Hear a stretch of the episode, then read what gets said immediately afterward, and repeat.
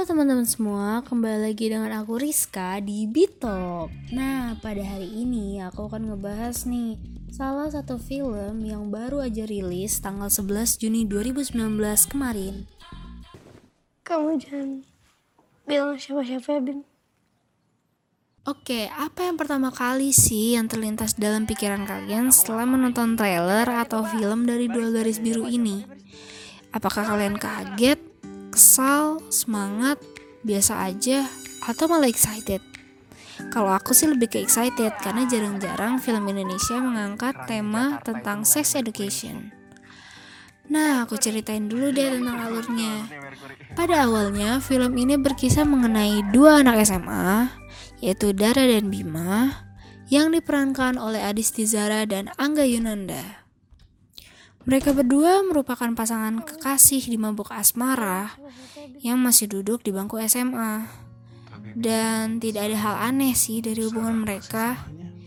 Hingga pada suatu saat mereka yang buta akan cinta nekat berhubungan di luar nikah. Yang mana pada akhirnya Dara menjadi hamil. Kemudian mereka dihadapkan pada kehidupan yang sangat berat untuk seusia mereka, di mana mereka harus menikah di usia dini dan menjadi orang tua. Tidak sampai situ, Bima dan Dara juga dihadapkan pada masa-masa ketika harus berhadapan dengan orang tua mereka. Yang pada dasarnya Dara berasal dari orang tua yang berkecukupan, sedangkan Bima sebaliknya. Nah, hal tersebut yang akan memberikan perspektif baru nih dan berbeda bagi para penonton, sehingga pesan tersirat seperti tanggung jawab, di mana Bima di sini harus bertanggung jawab tanpa peduli ia memiliki latar belakang ekonomi seperti apa.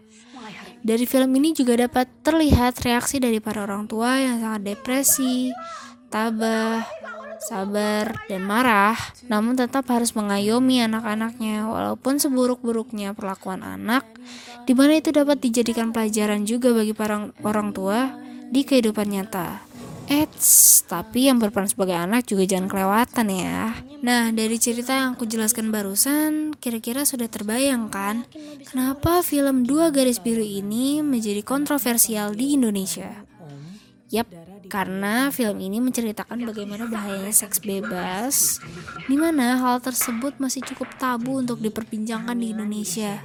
Dan juga film ini sangat menceritakan bagaimana proses sepasang anak remaja yang baru jatuh cinta dan berakhir dengan ending yang tidak diinginkan.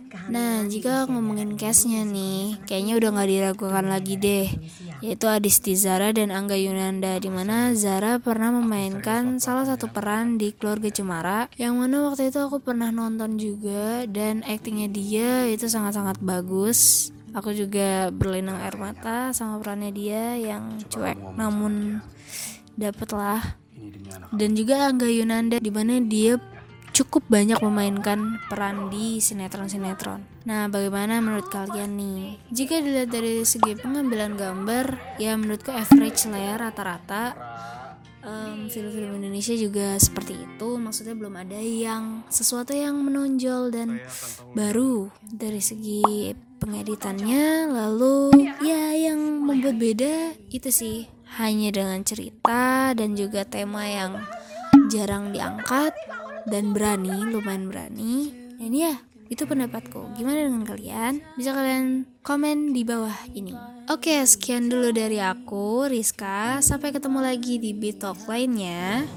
Jangan lupa untuk subscribe like dan komen as always di kolom komentar. Dan ya, yeah, see you next time.